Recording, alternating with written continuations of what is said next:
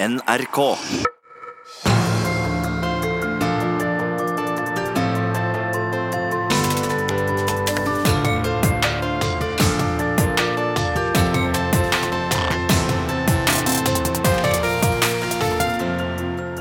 I disse dager er det 110 år siden Bergensbanen åpna, og like før vi får vite om Vy taper det anbudet også. Hvis både Bergensbanen, Sørlandsbanen og Nordlandsbanen blir operert av utenlandske selskap, har ideen om norske tog på norske skinner da spora av? For godt? Ja, velkommen til nok ei utgave av Disse dager. Programmet som gjerne påtar seg rolla som lokomotivet i NRK P2 en søndag formiddag. Velkommen om bord både til deg ved radioen og til de frammøtte her på Kafé Skatten på Tøyen.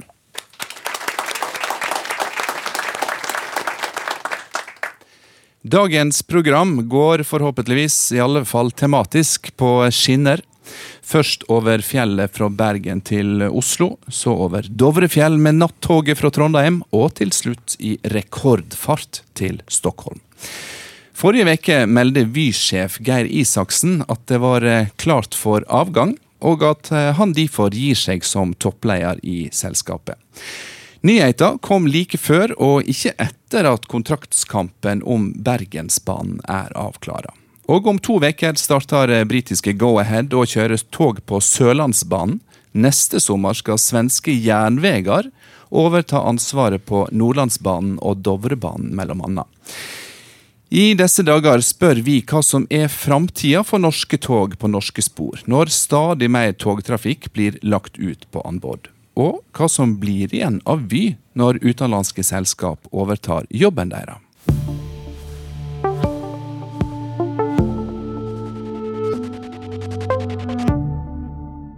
Tog er i tida, ikke minst fordi det er tid for det grønne skiftet. Vi sier nå velkommen til naturverneren og togentusiasten Christian Skjellum Aas.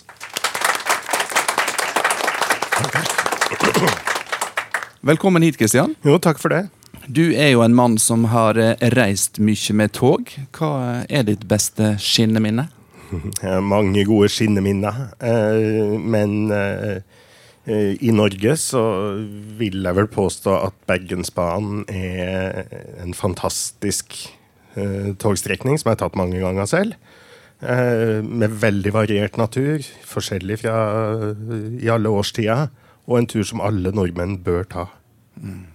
Og hvis vi går utenfor Norges grenser, da. Du har jo reist mye i Europa og sett Europa endre seg på flere plan?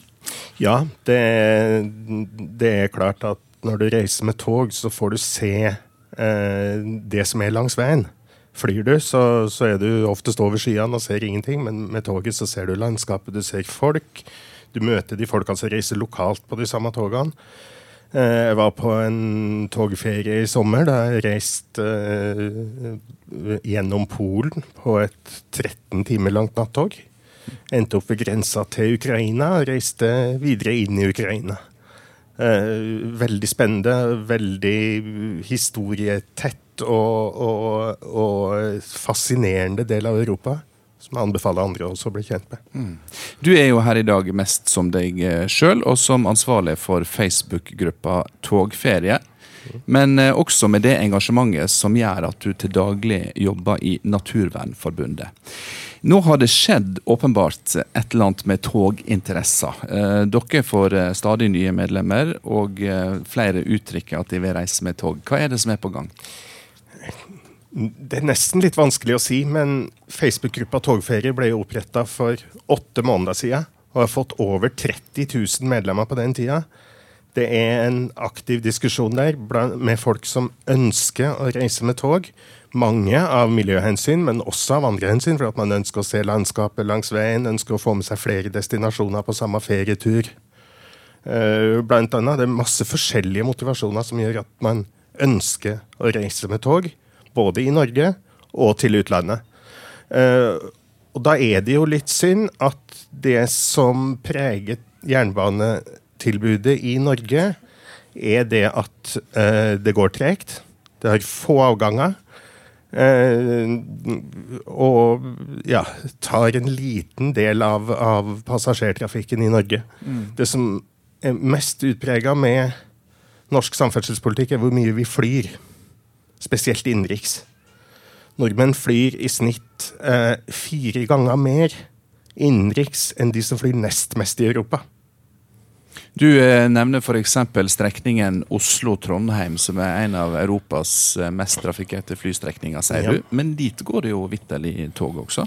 Dit går det tog også. Det går eh, tre tog daglig på Dovrebanen, eh, som tar seks og en halv til sju timer. Eh, men strekninga er ikke lenger enn f.eks. Stockholm-Göteborg. Eh, der det går tog som tar tre timer. Eh, man har 26 avganger i hver retning hver dag. Eh, da blir det sånn at i Sverige tar man tog, mens i Norge tar man fly. Og det her har vært et bevisst politisk valg i Norge å satse på fly fremfor tog. Alle, i alle fall mange, snakker om det grønne skiftet, Kristian, og at det haster med å både handle, tenke og reise klimavennlig. Er det i hele tatt råd å få til det grønne skiftet som togreisende? Absolutt. Det viser jo De fleste andre land i Europa viser det. Eh, så, så, det er absolutt ikke noe umulighet Men du mener at du må til utlandet for å finne beviset? Ja, i hvert fall over litt strekninger. Altså, det gjøres veldig mye godt arbeid eh, på jernbanen i Norge for å få opp kapasiteten i Oslo-området og østlandsområdet. Eh, men det her er trafikk som ikke først og fremst konkurrerer med fly, men med bil og all ære for det. Eh, det vil øke kapasiteten i jernbanenettet rundt Oslo. Nå må man se på muligheter for å bruke en del av den kapasiteten til å øke tilbudet også på langdistanse. Få ned reisetida, sånn at vi begynner å nærme oss eh, snittreisetida i Europa. Altså I dag har vi, jo, har vi jo en hastighet på norske tog som er under halvparten av snitthastigheten i Sverige. Det skal være mulig å gjøre det bedre enn det her. Det, se på andre fjelland, Sveits, Østerrike, Italia. Eh, litt mer folk enn her, men altså, togtilbudet er bra. Det går fort. Det er fullt mulig å gjøre det bedre i Norge også. Og I Norge så går det jo eh, faktisk eh, tog over fjell. Vi skal eh, komme tilbake til nattoget over Dovrebanen. Og nå skal vi snakke om det toget som går mellom Bergen og Oslo over Finse og Hardangervidda. For denne veka er det 110 år siden det umågelige ble gjort mulig, nemlig å ta seg med tog mellom Norges to største byer. Nå skal vi høre orda som Bergensbanens far, Hans Andreas Tandberg Glørsen, brukte om prosjektet. En bane tvers gjennom landet vil bli en mektig løftestang til forøget fremgang. Hele nasjonen vil spore nytten derav. Men mest vil unektelig Vestlandet og især Bergen stift vinne. For Bergens by, der nu i så lang en tid har gått fremad med tommelange hanefjed, vil jernbanen blive epokegjørende. Man erindrer blott hvorledes Kristiania plutselig begynte at springe i været, da den fikk den lille banestump til Mjøsen. Ja, denne lyden var henta fra et eh, NRK-program som var laga til 50-årsjubileet til Bergensbanen. Og nettopp det politiske, økonomiske og tekniske vågestykket Bergensbanen er en av årsakene til at det til enhver tid er mange bergensere i Oslo. En av dem er Magne Lerøe. Ta vel imot han.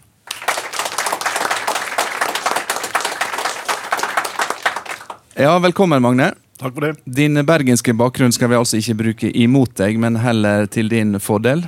Du er jo kjent for mange som redaktøren av ukeavisen Ledelse, og en ivrig analytiker og kritiker av norsk samfunns- og næringsliv. Ditt forhold til Bergensbanen, hva er det? Nei, det er nært og godt. Ja. Altså, Kona mi er fra Bergen, familien er i Bergen. Jeg aner ikke hvor mange ganger jeg har, har tatt Bergensbanen. Men det, det har mange gode opplevelser og eh, mange gode arbeidsøkter. Sant? Eh, nå, eh, nå det, blir det nok eh, mer fly, for nå er det nei, oftere sånn i jobbsammenheng.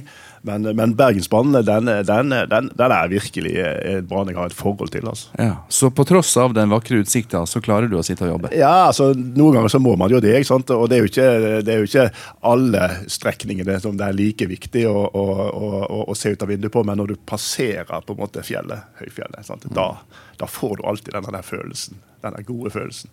Vi skal senere i sendinga høre at det var bergenserne som eh, egentlig bør ha æra for at Bergensbanen ble realisert. Men hva er det som gjør at dette er regna som et vågestykke i norsk jernbanehistorie? Altså, investeringene var jo, var jo, gigantiske, og det var jo utrolig vanskelig å bygge den. Det var, jo, det var ikke bare en økonomisk utfordring, men også, også en utfordring for ingeniørene å greie å bygge denne banen. Eh, og skal man, skal man få et bilde av dette, så skal man jo lese Jan Guillou sin bok 'Brobyggerne'. At det er en kostelig og virkelig fascinerende historie om, om de som bygget eh, jernbanen. Og Nå har det gått 110 eh, år siden banen ble åpna. Det jubileet markerte en tidligere denne veka. Samtidig som det nærmer seg en avklaring på hvem som får anbudet med å kjøre toga over fjellet. Etter en runde der mellom andre et kinesisk selskap har konkurrert med Vy. Kan det norske statseide selskapet tape denne konkurransen, Magne Lære? Ja, de, de, kan tape den konkurransen, men det vil være bittert fordi, fordi det er Bergensbanen. Altså fordi den er et symbol på liksom det beste i norsk uh, togtrafikk. Så, uh, men, men når, når, når, det er pengene som skal avgjøre, så, så kan det jo skje at de, uh, at de taper dette anbudet òg. Kineserne er sultne. Ja, så får vi jo se da om det er kineserne eller Vy som trekker det lengste strået. Men, men dersom Vy taper både Bergensbanen og vi vet de allerede har tapt anbudskampen om Nordlandsbanen og Sørlandsbanen. Hva er da igjen? Da er det mye aktivitet, mye, mye togkjøring her på Østlandet fortsatt. Og så er det busser. Men det er klart at dette, dette svekker, jo, svekker, jo, selskapet. Uh, hvis, hvis, de skulle tape de to uh, anbudene som nå ligger, ligger, foran. Og det skal jo også settes ut anbud også på, på trafikken i, uh, her på Østlandet. Så, så, vi kan jo risikere liksom, at, at Vy ikke lenger blir at det er jo ikke lenger hva det var. Sant? Eh, eh, og Spørsmålet om det er mulig å gjøre noe politisk det, det for, å, for, å, hindre den utviklingen, det er ikke så enkelt når først toget er satt i gang i den retningen det nå skal gå, at det skal konkurreres så å si med hver eneste strekning. Kristian, som ivrig togentusiast, er det viktig for deg hvem som har tilsett konduktøren og lokomotivføreren på Norges vakreste togstrekning? For meg er ikke det det aller viktigste. Eh, jeg vil jo håpe at man her prøver å få til et best mulig togtilbud, helt uavhengig av hvem som opererer togene. Men det er jo klart, det er jo, det er jo en del følelser sånn knytta til men det, var mest knytta til NSB, og til, til, NSB som gammelt statskonsern, og, og, og som symbol da, for, eh, for nasjonsbygging og alt mulig som det har vært. altså Eh, det at vi fikk en felles tid i hele Norge, skyldtes jo at jernbanen ble bygd, og at man trengte å synkronisere klokka over hele landet. sant? Altså For det, det, var faktisk tidsforskjell ja, før? det var tidsforskjell mellom Oslo og Bergen. Eh, så altså, Jernbanen har spilt en viktig rolle i oppbygginga av landet, men, men eh, sånn som man legger det her nå, så er jeg mer opptatt av at man får et best mulig tilbud for de reisende. Hyppigere avganger, struktur som passer når det gjelder billetter osv., enn navnet på selskapet som skal kjøre. Vi skal etter hvert snakke med de som har ansvaret for nettopp eh, dette, Kristian. Og så skal du få komme tilbake litt seinere i sendinga.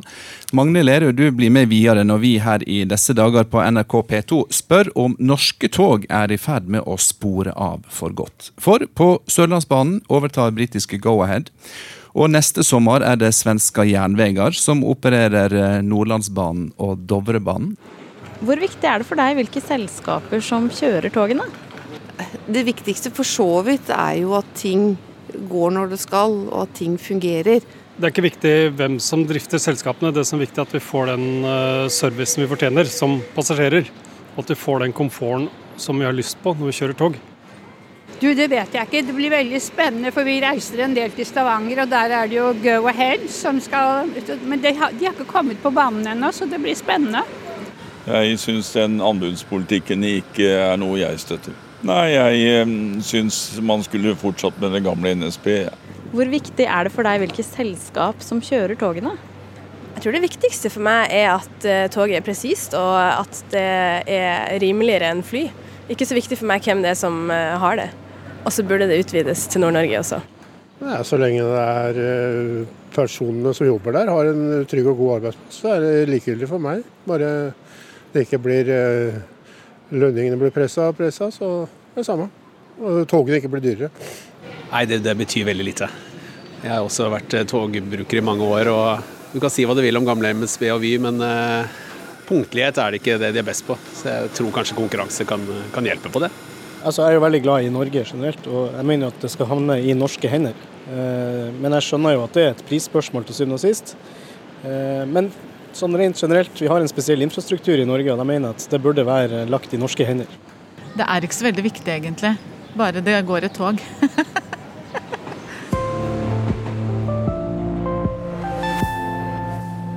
Ja, det går jo alltid et tog, heter det seg, men spørsmålet vi nå stiller er eh, hvem skal sørge for at toga går?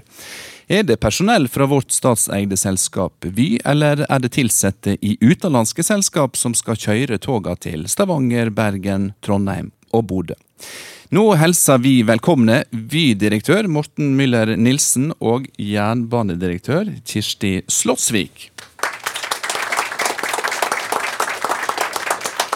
Jeg begynner med sjefen for organisasjon og stab i Vy. Jeg har sagt eh, Morten, at vi ikke skal bruke mye tid på å diskutere det du ikke kan snakke om, nemlig hvordan dere ligger an med anbudsrunden på Bergensbanen. Men fordi dere har tapt to viktige slag tidligere, så må jeg spørre deg. Hva gjør dere i Vy hvis dere taper Bergensbanen? Aller først må jeg jo si at vi gjør alt det vi kan for å vinne alle konkurransene. Vi vil vinne mest mulig. Så tapte vi Sør, eh, Sørlandsbanen og Nordlandsbanen. Eh, det var bittert. Begge var bitre, eh, og var et ordentlig slag i trynet på oss alle. Men vi har som ambisjon å vinne mest mulig, fordi vi vil og skal være en betydelig aktør på jernbanen i Norge, også i fremtiden. Og så tilbake til spørsmålet. Hva gjør dere hvis dere ikke vinner? Vi liker jo ikke å snakke om det, da, hvis vi ikke vinner. Vi liker å snakke om hvis vi vinner. Men Ansvarlig ledelse er jo å planlegge for det, det verste. Det er helt riktig, og det er jo derfor vi også har gjort det grepet vi gjorde for to år siden, nemlig å utvikle en ny strategi for selskapet. For det er jo sånn at Vi kan mene, vi som administrasjon og vi som styre, eh, de som styrer NSB, eh, gamle NSB, nå Vy, de kan jo mene hva vi vil om reformen. Men det er nå et faktum at den er vedtatt av Stortinget, så vi må levere på den. Og når den ble vedtatt, så innebar det en vesentlig endring av gamle NSBs rolle på jernbanen. Der navnebyttet er en del Der kommer navnebyttet inn som en vesentlig del av, av, begrunnelsen for det. Ja. Og Den som da har fått jobben med å forvalte eller iverksette politikken på dette, det er jo deg, Kirsti Slåsvik, som er direktør i Jernbanedirektoratet. Nå har du gitt to feite kontrakter til et britisk og et svensk selskap, og vi venter spent på den tredje avgjørelsen. Jeg må spørre deg, hva er det Vy gjør galt? Eh, feite var vel kanskje ikke et helt riktig ord. Eh, fordi vi har sett en voldsom prisnedgang i forhold til hva vi har levert for. Eh, det som er interessant å se, og som taler til Vy sin fordel, det er jo å se at de er ganske nær de andre. Så jeg tenker jo jo, de eh, skjønner at de er i konkurranse, og de forholder seg til det. Eh, så jeg tenker jo det at slaget er ikke tapt ennå. Som det var sagt her tidligere, det aller, aller meste av jernbanetrafikken i Norge er det Vy som fortsatt kjører. Ja, Men eh, tilbake til det vi snakker om nå. fordi Du sier at Vy har jo åpenbart gjort eh, noe riktig. og En gjennomgang som Aftenposten har gjort av eh, tidligere anbudsrunder, viser at Vy eh, skårer veldig høyt på kvalitet. Gjør det godt på, eh, på ans, anslått passasjervekst.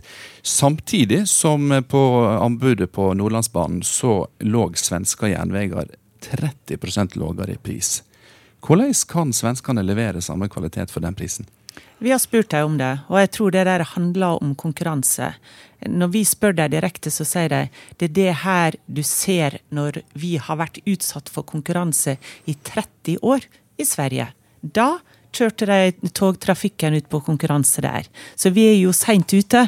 Og jeg tenker jo at eh, jo, når SJ nå kommer inn på, på Nordlands, må jo si Raumabanen òg, da og, og Dovrebanen, at de da faktisk eh, Vi får nytte av at de har lært seg å levere høy kvalitet eh, med en lavere pris. Like fullt har du tidligere uttalt deg kritisk om forretningsmodellen til Vy. Hva bør endres der, mener du? Altså I den grad jeg har vært kritisk til det, så handler jo det om at uh, vi på det vi betaler for nå, på direktekjøp uten konkurranse, så er det høye priser. Og uh, konkurransen viser at det har jeg rett til å si. Morten Myller Nilsen, du har kalt uh, dette utidig av jernbanedirektøren. Hva er det utidige? Ja, jeg vet ikke om jeg kalte det utidig, men jeg sa vel noe om at eh, det var et, eh, en, en, vurdering av eh, vår forretningsmodell som kanskje ikke var helt riktig. Da. Men det er ingen tvil om at konkurranse virker. Du ser jo det på hva som er kommet inn av uh, tilbud nå som man, man vant på med, i Sørlandsbanen og Nordlandsbanen. Mm. Men jeg, jeg det er jo blitt på... billigere, og det vi skriver inn, både de som vant mm. og det også vi skrev inn i våre tilbud, var jo langt bedre enn det vi uh, leverer i dag. Det er ikke noe tvil om det. Så at konkurransen på, på operatørleddet i denne reformen virker, det er det ingen tvil om, hvis vi ser hva som skrives i tilbudene og legger det til grunn. Så får vi se. Og vi håper jo at det også blir sånn i virkeligheten. Men likevel så klarer ikke dere å møte det som var en tidligere svensk kollega, nå konkurrent på pris. Nei, og det er jo tilbake til det vi snakket om eh, i stad. Om den veldige veksten i toginteressen i, i, i Norge og i, i, Norden og egentlig i hele Europa. Eh, og Spørsmålet blir hvor mye risiko skal operatøren våge å ta? Kirsti Slåssvik, eh, det som en gang var et selskap for alt som gikk på skinner mellom byer i Norge, NSB som det het den gang, nå Vy. Um, hadde noe sånt som eh, elleve direktører. Nå er det nesten 50 direktører. Hva prosjekt er det egentlig du har fått beskjed om å utrette? Eh, akkurat organisasjonskartet til Vy er vel i utgangspunktet ikke mitt direkte ansvar. Men jeg tror ved at vi konkurranseutsetter, så må også Vy se på hva er det slags eh, overhead de har på togbillettene sine ut til slutt. Hvorfor trenger de disse høye vederlagene? Og hvis eh, konkurranse kan gjøre at jernbanesektoren eh, totalt sett eh, blir eh, egentlig kostnadseffektiv, mer kostnadseffektivt. Vi bruker mye penger nå. Eh, det som er interessant å se på, det er jo bruker vi pengene rett. Og da snakker jeg om mer enn å kjøre tog. Ja, og En ting er konkurranseutsetting, eh, oppsplitting av selskap en annen. og Da griper jeg til eh, Ibsen. Eh, det som du er, vær fullt og helt og ikke stykkevis og delt. Hvordan skal Norge være en tognasjon stykkevis og delt? Vet du hva? Jeg tenker det at den reformen, det som jeg syns er bra med den, det var to store, og når jeg skal være litt tekkel med dem, mastodonter. Iallfall to store statlige selskap, NSB og Jernbaneverket tror ikke det var spesielt mye innsynsmuligheter den. Den transparensen som er blitt skapt med at det er blitt oppdelt. Og så har jeg tro på at det er mer kreativitet enn problemer i ethvert grensesnitt. Morten Mylle Nilsen, volum er et uh, stikkord for uh, mange i business. En trenger et visst volum for å kunne utvikle seg og prestere og rekruttere. Uh, hvordan råker dette Vy når volumet deres går ned? Volumet går ned. Eh, det har jo gått ned noe nå med å ta på de to pakkene. Eh, men så er det sånn at hovedveksten, hovedantallet togreiser i dette landet det skjer inn og ut av Oslo hver dag. Eh, så der er volumet størst, og konkurransen om østlandspakkene blir jo selvfølgelig svært viktig. Og så må jeg få lov til å si at det er ikke sånn at Vy har fått flere direktører av denne, av denne reformen. Det er blitt flere direktører i sektoren. Vy har fått færre direktører. Takk så langt, Morten Mylle Nilsen, en av direktørene i Vy. Nå skal vi ta inn Magne Lerøe, som fremdeles er redaktør i ukeavisen Ledelse. Hva er det vi er vitne til her, Magne? Altså, vi, vi er vitne til det samme som man har prøvd i en rekke land i Europa.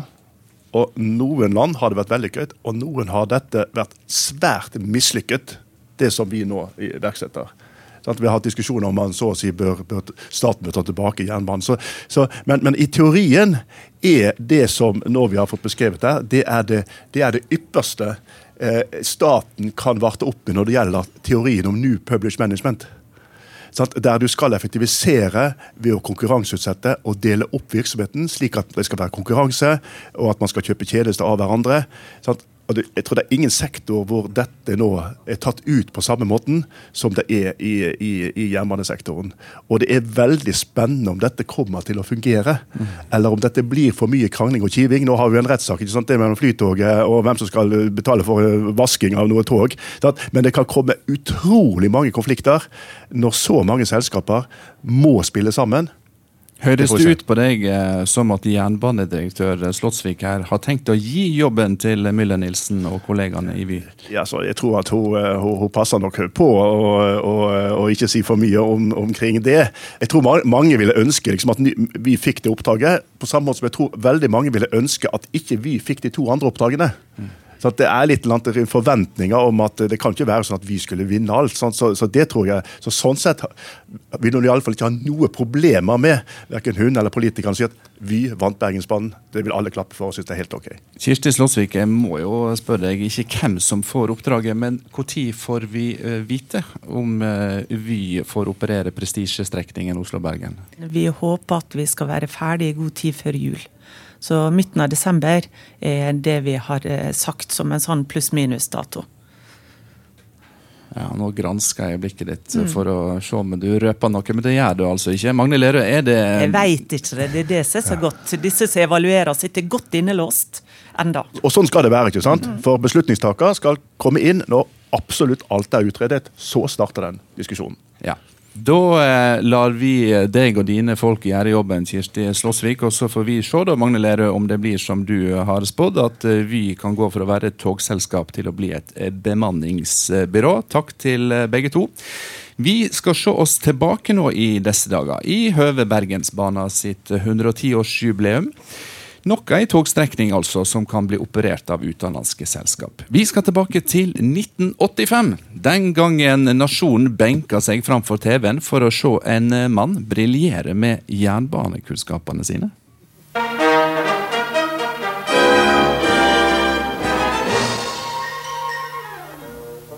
Direkte fra Studio 1 i Oslo. Hvitt eller dobbelt? Nå begynner det å bli riktig alvorlig her. Norsk jernbanehistorie. Ole Mjelva, 35 år gammel Oslo-gutt. Ansatt i Oslo Sporveier og ellers på sporet på andre måter også. Jeg skulle gjerne hatt et håndkle her. Ja, det skal vi ordne. Jeg håper ikke det betyr at du akter å kaste håndkleet inn i ringen til oss.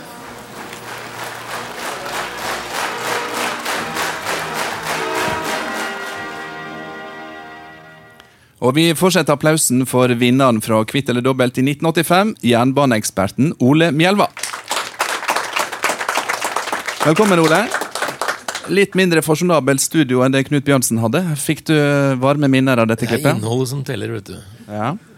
Vi har jo ikke 48 000 kroner i premie til deg, eh, slik du fikk den gang, men vi har en del spørsmål.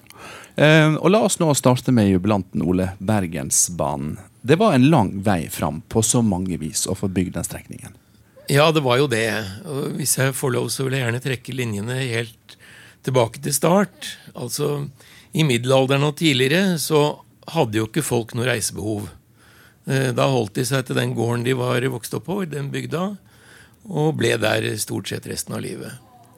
Eh, Så fikk man etter hvert noen postruter, og de måtte jo gå over fjellet. Eh, Men det var ikke for vanlige folk. Det var faktisk først da dampskipene kom, at det ble aktuelt å kunne reise mer rundt i Norge. Men da måtte man jo ned til kysten. Og vi fikk altså skipsruter da fra 1850-60-tallet. Som gjorde at folk for første gang fikk rutetabeller å forholde seg til. Så begynte da jernbaneutbyggingen. Og eh, når det gjaldt akkurat Bergensbanen, så ble jo den også bygget ut eh, bitevis. Først så fikk vi en eh, bit mellom Drammen og Hønefoss, og mellom Kristiania og Drammen. Så fikk vi Bergen-Voss småstumper i begynnelsen. Og så var det da det store løftet. Man hadde fått én bane over fjellet tidligere, det var Rørosbanen til Trondheim. Den var smalsporet. Eh, Det blir blir et mye større løft å bygge banen over fjellet til Bergen. Man skulle mye høyere opp, og klimaet var jo noe helt annet. Hva var den største utfordringa? Eh, Den største utfordringen kom vel kanskje etter at banen var åpnet, og den het været. Ja. Uh, og det skjedde mange ganger i de første årene at banen snødde ned. Uh, og man forsto da etter ganske kort tid at man måtte ta mye kraftigere i når det gjaldt store lokomotiver, snøryddingsutstyr. Det som vi i dag kaller snefresere, det ble jo da omtalt som den roterende, som skapte vei i, i vellinga. Og nettopp været på Bergensbanen ga jo oss eh, det helt ukjente begrepet dampskip for tog. Ja, det er riktig. Eh, det var eh, rett ved åpningen av banen. Altså, sporene lå klar over fjellet i 1907. eh, Og man begynte da å kjøre tog fra Voss, eller fra Bergen, da, og over fjellet og til Gulsvik, som ligger nord i innsjøen Krøderen. Der gikk det dampskip, og man kunne sette inn flere dampskip, som da fraktet folk til sydenden av Krøderen, hvor det var jernbane allerede, nemlig Krøderbanen. Og så kunne man komme seg videre da til Drammen og Kristiania den veien. Men du, jeg har eh, lært at det var bergenserne også den gang som var mest ivrige på å få ting til å skje. Hvorfor var de så ivrige etter å få skinnegang til Oslo? Bergensere er jo handlekraftige. Det er klart, Skal man se objektivt på det, så er jo Bergensbanen mye viktigere for eh, Bergen enn den er for Oslo. For Oslo har så mange andre forbindelser også. Eh, Så det er helt naturlig at det først og fremst var Bergen som presset på for å få, for å få den løsningen. løsningen. Så brukte man jo da en 10-20 år på å krangle seg frem til hvor banen skulle gå. Men dette var jo et kjempeløft, ikke bare økonomisk. Det kosta jo en, eh, en formue på linje med et statsbudsjett den gang. Politisk og på alle vis var det jo et kunststykke. Vil Ja. du si at eh, Bergensbanen på den måten er representativt for norsk jernbanehistorie seinere? Ja, altså 1890-tallet og frem til første verdenskrig, det var jo den perioden da jernbane var mest hot. Og alle ville ha jernbane. Eh, Så det var da, da de største slagene skjedde. Så ble det avløst av en sånn generell velvilje til jernbane, eh, hvor det fulgte med mindre og mindre penger. Da snakker vi om eh, mellomkrigstiden f.eks. Det skulle bygges sørlandsbane, det skulle bygges nordlandsbane. Sørlandsbanen ble veldig sent ferdig og lagt i et terreng hvor det ikke bodde mennesker. Nordlandsbanen er fortsatt ikke kommet til eh, Tromsø, eh, og det spørs vel om vi vil få oppleve at den gjør det. Og det er klart at På den måten så kan man si at Norge har egentlig sviktet sine muligheter for et skikkelig jernbanenett. Vi har snakka mye om fortida nå, Ole. Det er den du er ekspert på. Men la oss ta et raskt gløtt inn i framtida. Hvordan ser du framtida for norsk, eh, norsk jernbane? Hvis man skal se hvordan det har gått i Sverige, så er det jo der veldig mange strekninger som er kommersielt drivbare. Altså man kan tjene penger på å kjøre tog der. Eh, Det er jo fordi at søndre halvdelen av Sverige er mye mer befolkningstett enn noe sted i, i Norge, egentlig.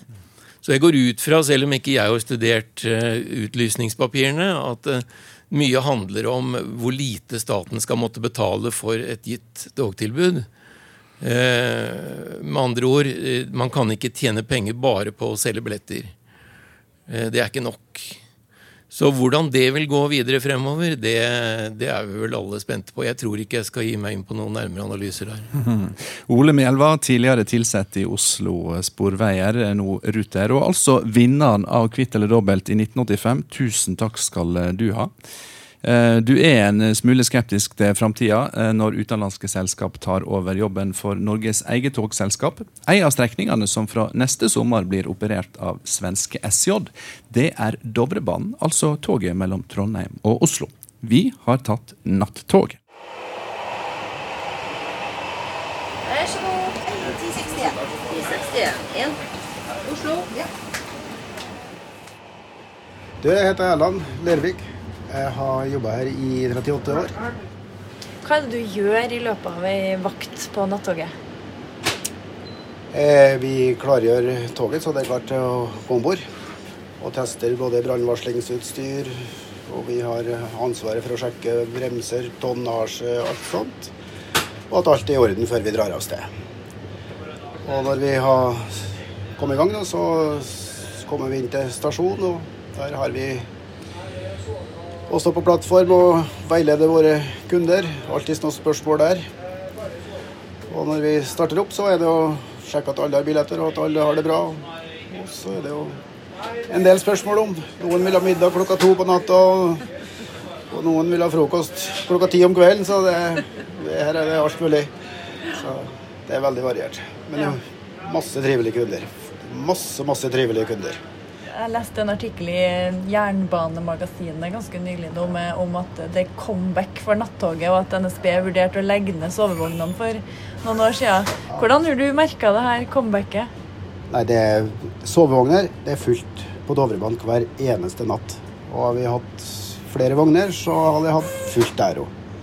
Behovet nå, akkurat nå, det er, det er ikke tilstrekkelig med de vognene vi har, det er helt sikkert. Men det får vi ikke gjort noe med, vi.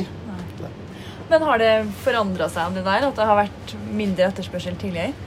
Det var en periode det var mindre etterspørsel og god plass. Men, eh, men eh, de siste 10-15 åra fulle tog. Fulle nattog. Nå sitter vi i kafévogna på nattoget på vei til Oslo. Hvem er det jeg har med meg her? Eh, Kenneth Kjelsnes. Randi Bråten Jacobsen. Og Claes Sundelin. Ja, og nå skal dere til Oslo. Klas, hvor lenge er det siden du bestilte nattogkupé? Et par uker, tror jeg. Tre-fire uker, kanskje. Er det samme for deg, eller med flere uker i forveien? Ja.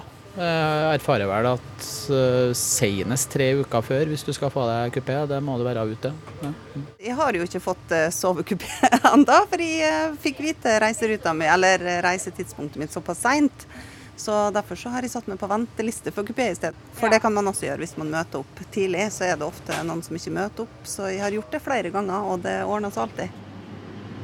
Har alle kommet som skulle ha kupé i dag? Alle har kommet, bortsett fra én som ikke har kommet. Og den har vi allerede solgt. Ja, for hun snakka jeg nemlig med, som Ja. satt og venta på venteliste. Hun fikk, hun var veldig glad. Så det, så det er for, øvrig absolutt, min absolutt siste tur. Jeg går av med pensjon på, i morgen. Er det sant? Ja, så det, så det er jo litt spesielt, da. Så, Ja, det vil jeg si. så det var litt spesielt å dra ut hjemmefra i kveld. Ja.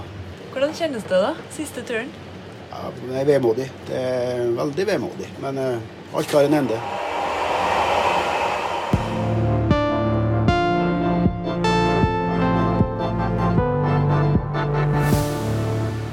Ja, Det var reporter Randi Lillealteren som hadde møtt en litt vemodig konduktør Erland Lervik på si siste reise med nattoget mellom Trondheim og Oslo, der det altså er rift om soveplassene. Onde tunger spøker med at det nå er flere jernbanedirektører med millionlønn enn det er sovekupeer på nattoget. Dette er jo i så fall ei politisk styrt utvikling, og siden det er et greit prinsipp å ikke skyte på pianisten, så tenkte jeg at vi heller skulle skyte litt på komponistene, som er Stortinget og regjering. For hva er egentlig prosjektet deres? Vi spør Sverre Myrli fra Arbeiderpartiet og Anders Werp, statssekretær i Samferdselsdepartementet fra Høyre.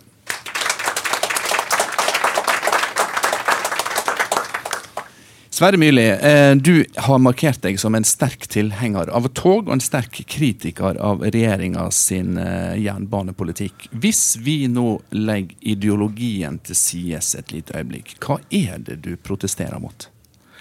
Ja, aller først så tror jeg jeg må si at jeg syns det er veldig bra at veldig flere er engasjert i tog og jernbane. Første tida jeg var på Stortinget, så var det noen ja, Kanskje vi ble sett på som litt særinger som prata om tog og jernbane. Nå prater jo alle, tror nesten alle partier også, eh, og Facebook-grupper, og det er vanskelig å få billetter. og Veldig mange er opptatt av tog og jernbane. Men når du snakker om det, så bruker du ute- og strenge stemmer fordi du mener at regjeringa fører dette feil av gårde. Hva er det du er kritisk Ja, fordi, til? fordi jeg mener at Vi hørte litt her i stad om erfaringer fra andre land. Jeg tror en felles nevner for det, da, hvis vi legger politikken litt til side, som du utfordrer oss til, så tror jeg at de, det er helt åpenbart at de landene i Europa som har lykkes med jernbanen, det er de som har bygd ut mer jernbane. Altså bygge dobbeltsporet moderne jernbane. Det er det som virkelig skal til.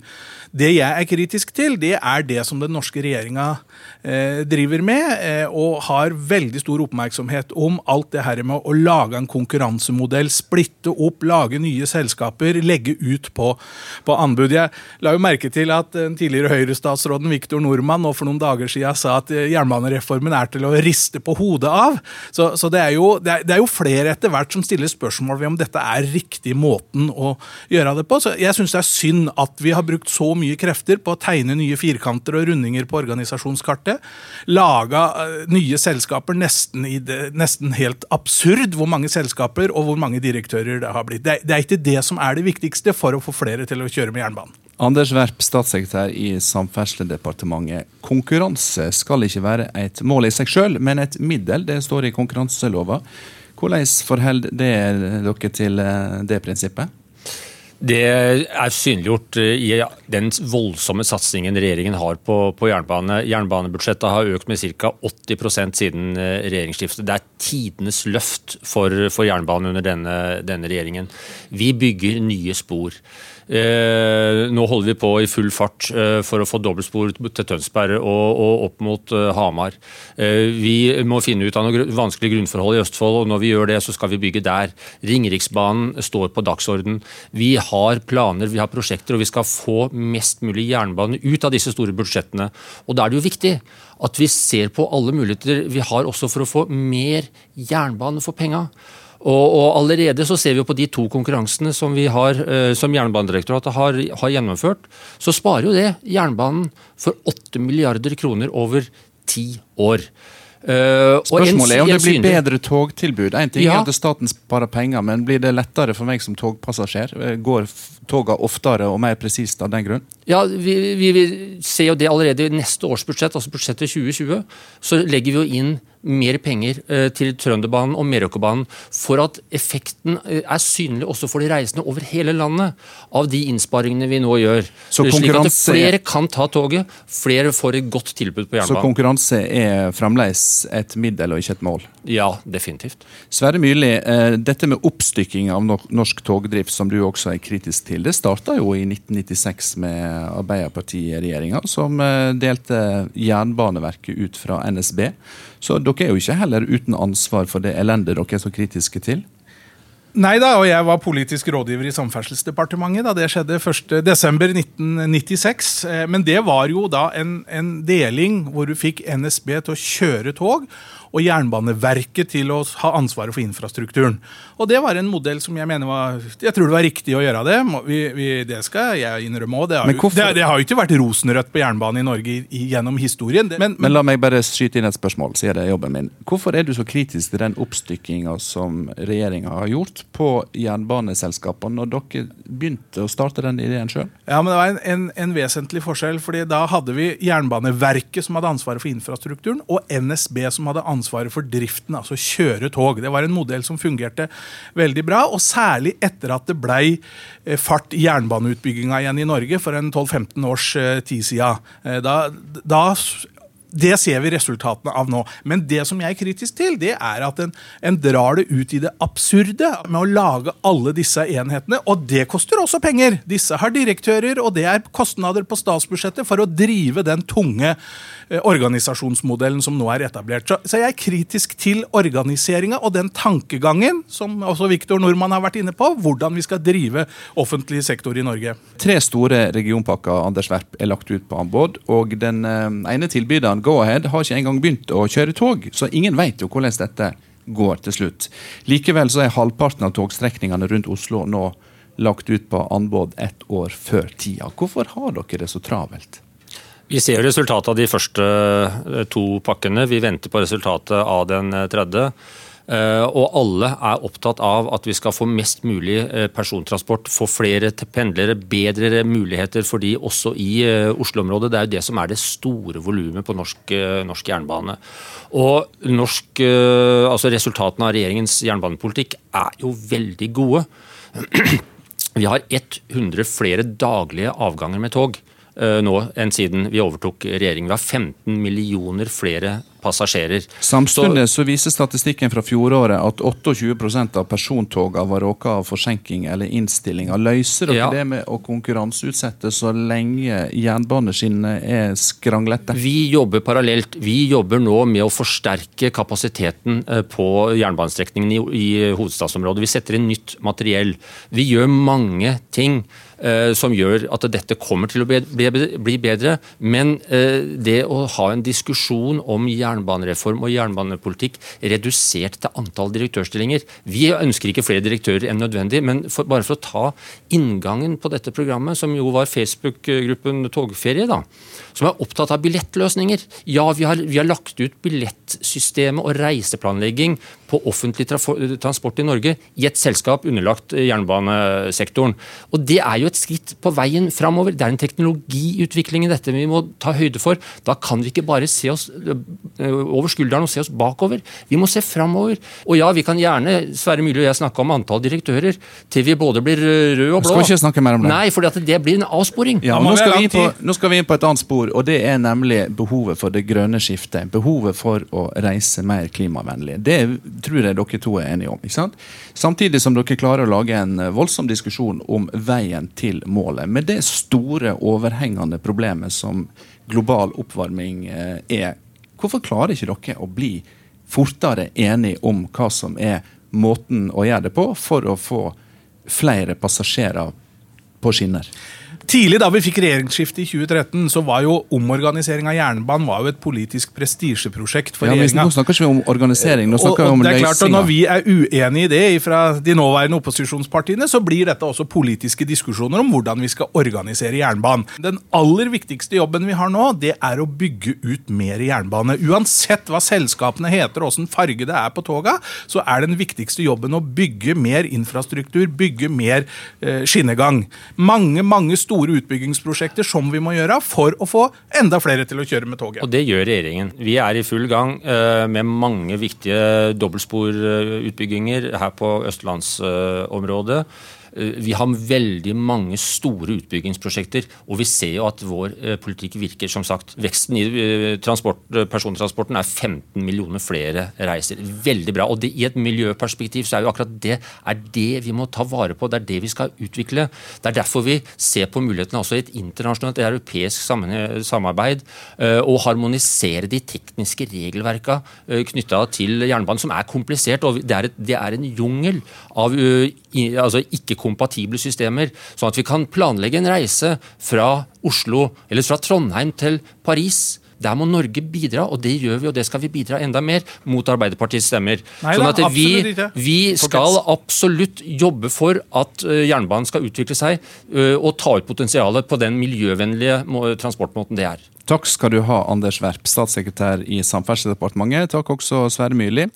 Eh, vi skal straks eh, Sverre Myrli, møte en svenske som jobber for å halvere reisetida mellom eh, Oslo og Stockholm. For det er mange som liker seg når livet går på skinner. Hva liker du med å kjøre tog? Jeg kommer fort fram, og så slipper jeg å kjøre bil til byen. Slipper jeg, da slipper jeg å stå i kø, og det er billigere. Derfor kjører jeg tog. Stillheten, tror jeg, for min del. Jeg liker litt fred og ro og kunne sitte og få litt egen tid. Helt uh, gratis. Kjempefint. Det at man sitter komfortabelt, og man kan sitte og filosofere. Det er stille.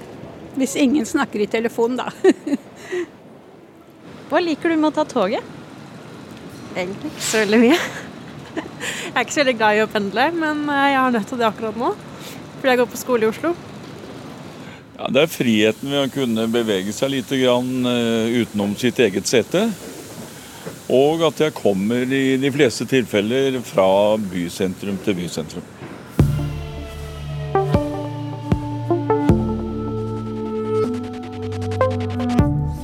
Og for å reise fra bysentrum av den norske hovedstaden til bysentrum av den svenske, så må du i dag berekne nær seks timer reisetid. Den tida er det råd å halvere, mener prosjektet Oslo-Stockholm 255.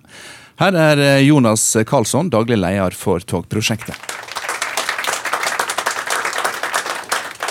Velkommen hit, Jonas. Takk så mye. Hvordan i all verden skal du greie å halvere reisetida mellom Oslo og Stockholm? Ehm, genom å modernisere modernisera noe, å bygge noen lenker som savnes. Men i grunn og botten kan man jo si at det er ikke så langt mellom Stockholm og Oslo. Det er bare drygt 40 mil. Eh, og med en noenlunde modern järnvägsförbindelse så går det alldeles utmärkt. Man behøver ikke ens ta- til høyhastighetstog. utan med alldeles vanlig järnväg og alldeles konvensjonelle tog så skulle det være fullt mulig å oppnå den restiden. Ja, og I dag reiser jo de fleste mellom eh, Oslo og Stockholm med fly. Hvordan eh, skal du få deg ned på landjorda? Alltså vi ser ju att det finns en kraftig ökan av, av, av efterfrågan på järnvägsresor. Det är inte bara tågentusiaster och människor som liksom ser det som en del av sitt eh, liksom, turism och resande, utan det är en stor ökning av efterfrågan också för näringslivets behov, tjänsteresor. Eh, I de allra, allra flesta fall så finns det ett konkurrenskraftigt alternativ eh, på tåget, så väljer man att ta tåget. Det ser man av de utbyggnader som har gjorts runt om i hela Europa, eller som exempel mellan Stockholm och Göteborg. Vi har ju sett att om man skulle få till en förbindelse på under tre timmar mellan Stockholm och Oslo så skulle man omedelbart flytta drygt en miljon flygresor till tåget. En miljon? Ja, drygt en miljon til. Ja. Er det det som er motivasjonen for de svenske kommunene og fylkene som står bak dette prosjektet? Å, få denne drøye millionen til å reise klimavennlig mellom byene? Ja, men självklart så är klimatutmaningen en jättestor drivkraft för engagemanget. Men det, man ser ju också att på köpet så får man väldigt mycket andra positiva effekter. Vi skulle knyta ihop eh, arbetsmarknadsregionerna i det här stråket. Man skulle knyta ihop huvudstäderna. Så att alla är liksom vinnare här. Om, om eh, man skulle få till en fungerande järnvägsförbindelse så skulle man eh, förbättra för huvudstäderna. Man skulle förbättra för städerna däremellan. Eh, och man skulle bidra till hållbarhet. Sverre Myrli, en gavepakke til Norge har dette prosjektet blitt kalt. Eh, er det så enkelt? Jeg syns i hvert fall det er veldig interessant. Og det er klart at hvis du kan kjøre fra Oslo sentrum til Stockholm sentrum på under tre timer, så vil det ta veldig store markedsandeler. Eh, og jernbane er jo en veldig effektiv transportform fra bysentrum til bysentrum. Dette har jeg veldig tro på, og det prosjektet Oslo-Stockholm 255 har jo jobba grundig med dette og lagt fram transportanalyser og forretningsanalyser som, som gjør at uh, dette er et prosjekt jeg tror på. Jonas Karlsson, hva er et kreves fra norsk side for å få dette til? Ja, det krävs ett engagemang. Vi vet att det alltid är mer komplicerat när man ska bygga järnväg över gränser. Tränger du pengar? Eh, så att, eh, nej, I grund och botten så behövs det inte särskilt mycket pengar. Vi har visat att om den svenska och eh, den norska regeringen skulle gå ihop och göra den här investeringen så skulle man få tillbaka pengarna på mindre än 30 år. Men vi har också visat att det faktiskt är så lönsamt så det till och med skulle kunna vara lönsamt ur ett kommersiellt perspektiv om man skulle söka privata investerare. Det är mer en politisk fråga vilken väg man vill gå i det perspektivet. Så att i grunden så ser vi möjligheter att det här inte behöver kosta skattebetalarna särskilt mycket pengar. Men vi behöver engagemang. Vi behöver att den svenska och norska regeringen bestämmer sig för att göra det här tillsammans. Og så Sverre Myrli, er det et vilkår her eh, for å gjennomføre det at eh, selskapet til Karlsson får monopol på å drive denne strekninga i flere år framover. Er det noe du som politiker kan gå god for? Ja, Hvordan modellen skal være, det tror jeg ingen har svar på. Men først så er jeg enig i at den norske regjeringa og den svenske regjeringa må sette seg ned og bli enige at ja, dette her skal vi finne en løsning på. Og om det skal være privatfinansiering, om det skal være delvis offentlig og, og, og, og privat, eller hvem som skal stå ansvarlig for, for garantier og den type ting, det, det, går, det, finner vi løsninger på. Der må vi være pragmatiske, men det som jeg syns er interessant med den modellen her, er at du kan bruke delvis eksisterende jernbane og så må du bygge et par nye strekninger, og så kan du finansiere det hele gjennom billettprisen. Det er en veldig interessant modell som gjør at det prosjektet da ikke konkurrerer om bevilgninger over statsbudsjettet til, til Vestfoldbanen og Østfoldbanen og Nordlandsbanen og andre banestrekninger. Så dette, ja, dette må det jobbes videre med. Når du hører Sverre Myrli krangle med statssekretæren fra Høyre om eh, organiseringen av norsk jernbane, tror du i hele tatt at norske og svenske politikere klarer å bli enige om et sånt grenseoverskridende prosjekt? Men vi er jo veldig gode goda grannar. Vi har en lång historia tillsammans. Jag tycker det är någonstans man egentligen borde klara lösa den här typen av gränsöverskridande problem. Jag har också hört eh, liksom både norska och, och svenska politiker som uttalar att det finns ett behov av att, att, komma överens om det här och börja titta på det här. Men det behöver göras och det blir lite svårare därför två länder måste vilja samtidigt, två myndigheter måste vilja samtidigt. Men en, jag skulle hävda det här är en lågt hängande frukt. Det här är, man skulle kunna få till den här järnvägen och man skulle kunna få till en kraftig överflyttning från flyg till tåg och få tillväxtvinster i, i hela stråket. Och man skulle kunna göra det utan att det kostar skattebetalarna särskilt stora pengar. Om man lite grann engagerar sig i frågan och lyfter upp de här diskussionerna till regeringsnivå och börjar prata mellan länderna. Jonas Karlsson, daglig leder i prosjektet Oslo-Stockholm 255. Tusen takk skal du ha. Takk òg Sverre Myrli fra Arbeiderpartiet og Stortinget.